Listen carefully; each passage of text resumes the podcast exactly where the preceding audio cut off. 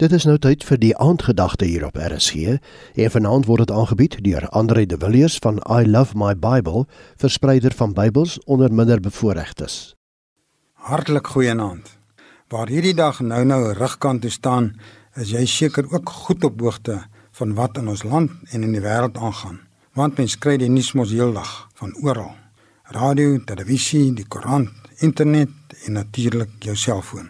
Dink nou 'n bietjie hoeveel berigte en boodskappe daar vandag was oor korrupsie, moorde, stakings, oorloë, roof, hofsaake of net mense wat mekaar beskuldig, skel of probeer seermaak. Dit is slegte nuus, veral vir God, die vredevors wat ons settend graag wil hê ons moet in vrede lewe. Hoe hartseer moet ons Vader nie wees nie, ook oor die volgende feit. Luister bietjie mooi hierna.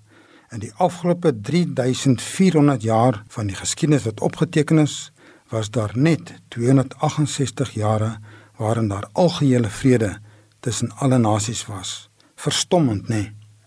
Maar God moet ook baie hartseer wees oor elke klein oorlogie in elkeen van ons eie lewens met ons ouers, kinders, man of vrou, bure, medegelowiges, kollegas of mense van wie ons net nie van hou nie. Mense wie ons in ons gedagtes kritiseer of verwens, met ander bespreek of dalk direk sonder respek en liefde hanteer. Om in vrede te lewe met ander om ons is vir God so belangrik dat hy ons baie duidelik hieroor leer, maar ook 'n groot waarskuwing gee in Hebreërs 12 vers 14. Doen julle bes om in vrede met almal te lewe en dan verder soek dus vrede met almal Die NLV vertaling het ook nog 'n aksentstreep op die A van almal. Dis elkeen met wie ons in aanraking kom, ook ons vyande. Dan gaan die vers nog voort. Want daarsonder sal julle nie eendag in die Here se teenwoordigheid kan kom nie. Oral waar Jesus gekom het, het hy vrede verkondig. Omdat hy jou so verskriklik liefhet, wil hy nie hê jy of enige mens moet seer kry deur harde woorde, beledigings of enige vorm van konflik nie. Hy soek net geluk vir jou en die som is baie maklik. Vrede is gelyk aan geluk. Maar nou soek ons Vader nog meer van ons.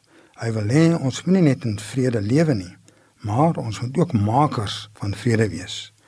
Ons kan dit nie self doen nie, net deur sy wonderbare krag. Kom ons gaan wees God se vredemakers. Laat ons saam bid. Grote koning en vredevors, help ons om elke dag u vredekinders te wees.